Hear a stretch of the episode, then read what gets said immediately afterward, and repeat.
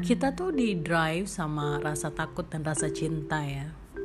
Secara emosional sebagai manusia kita punya dua emosi tadi yang mendorong manusia sangat kuat untuk mencapai sesuatu hal. Mungkin ini jadi alasan yang bisa menjelaskan kenapa banyak banget orang yang di luar sana ketipu sama afiliator kita sebut dia I dan K kemudian ada DS gitu ya inisialnya IK dan DS jadi banyak banget warga Indonesia yang kemudian mengungkapkan bahwa mereka menjadi salah satu korban dari dua orang ini gitu ya tanda kutip ya korban. Kenapa pakai tanda kutip?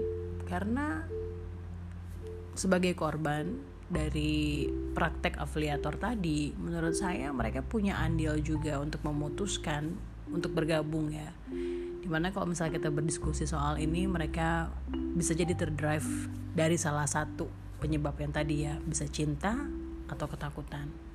Ketakutan ketinggalan tren ketakutan telat kaya ketakutan tidak punya kesuksesan di awal usia 20 tahunan atau mungkin rasa cinta kasih karena pengen membahagiakan keluarga pengen menunjukkan kepada orang yang disayang bahwa mereka bisa menjadi sejahtera dan lebih baik kehidupannya. Seperti dua orang tadi.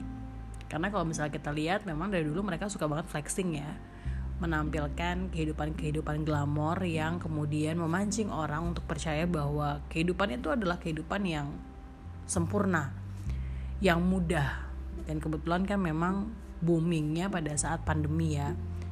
Jadi orang-orang lagi pada sulit mendapatkan pekerjaan, pengen ada harapan. Jadi apa yang dilakukan oleh dua orang ini kemudian memunculkan hope tadi sehingga mereka-mereka yang kena kasus atau kena menjadi korban dari afiliator ini merasa punya harapan dari apa yang dua orang ini tadi sering posting. Ngobrol-ngobrol soal ini gitu ya. Sering karena kasus ini jadi sering ngobrol sama teman-teman yang main saham atau mereka seneng banget main kripto dan ngerti sedikit banyaknya tentang hal-hal yang digeluti sama dua orang afiliator tadi. Pertanyaan sederhana bahwa apakah kita bisa menyalakan 100% dua orang ini gitu. Dan banyak dari mereka yang bilang ya kita nggak bisa menyalahkan 100% gitu. Karena balik lagi pilihannya ada di orang yang menaruh uangnya.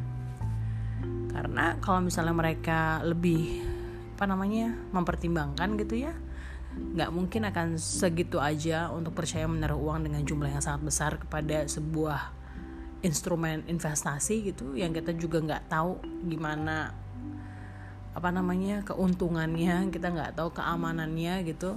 Jadi ya ada juga andil dari para korban. Tapi ini flashback sedikit ya di usia SMP dulu.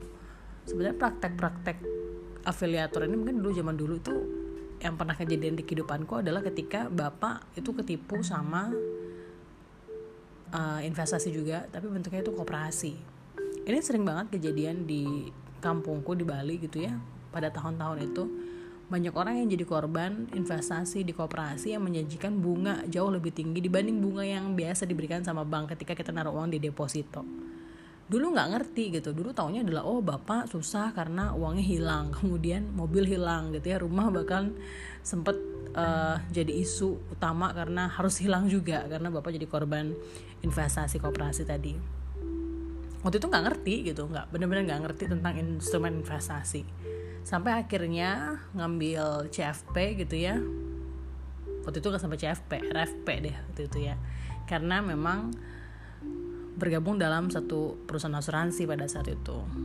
Good newsnya adalah pada saat ngambil RFP dapat bekal gitu untuk tahu bahwa nggak ada tuh yang namanya uh, investasi yang kemudian bisa langsung dalam jangka waktu cepat minim resiko bisa dapat keuntungan yang berpuluh-puluh persen gitu ya berpuluh-puluh kali lipat daripada keuntungan yang ditawarkan sama bank jadi nggak salah juga ketika kita dengar orang-orang yang sering main investasi atau yang sudah mahir banget di keuangan mereka akan bilang bahwa ya don't put all your eggs into one basket gitu. Jangan taruh semua telur kamu di satu keranjang yang sama karena akan sangat resiko banget tinggi gitu.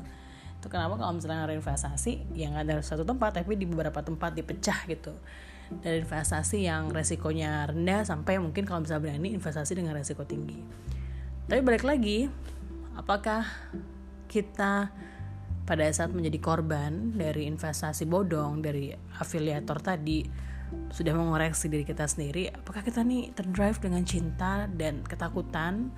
Apakah kita bisa mengakui bahwa ini adalah sebuah pembelajaran bagi kita semua gitu ya bahwa jangan semena-mena percaya sama hal-hal yang berbau kemewahan gitu berbau janji-janji harapan palsu gitu terhadap untung besar yang mungkin gak wajar gitu.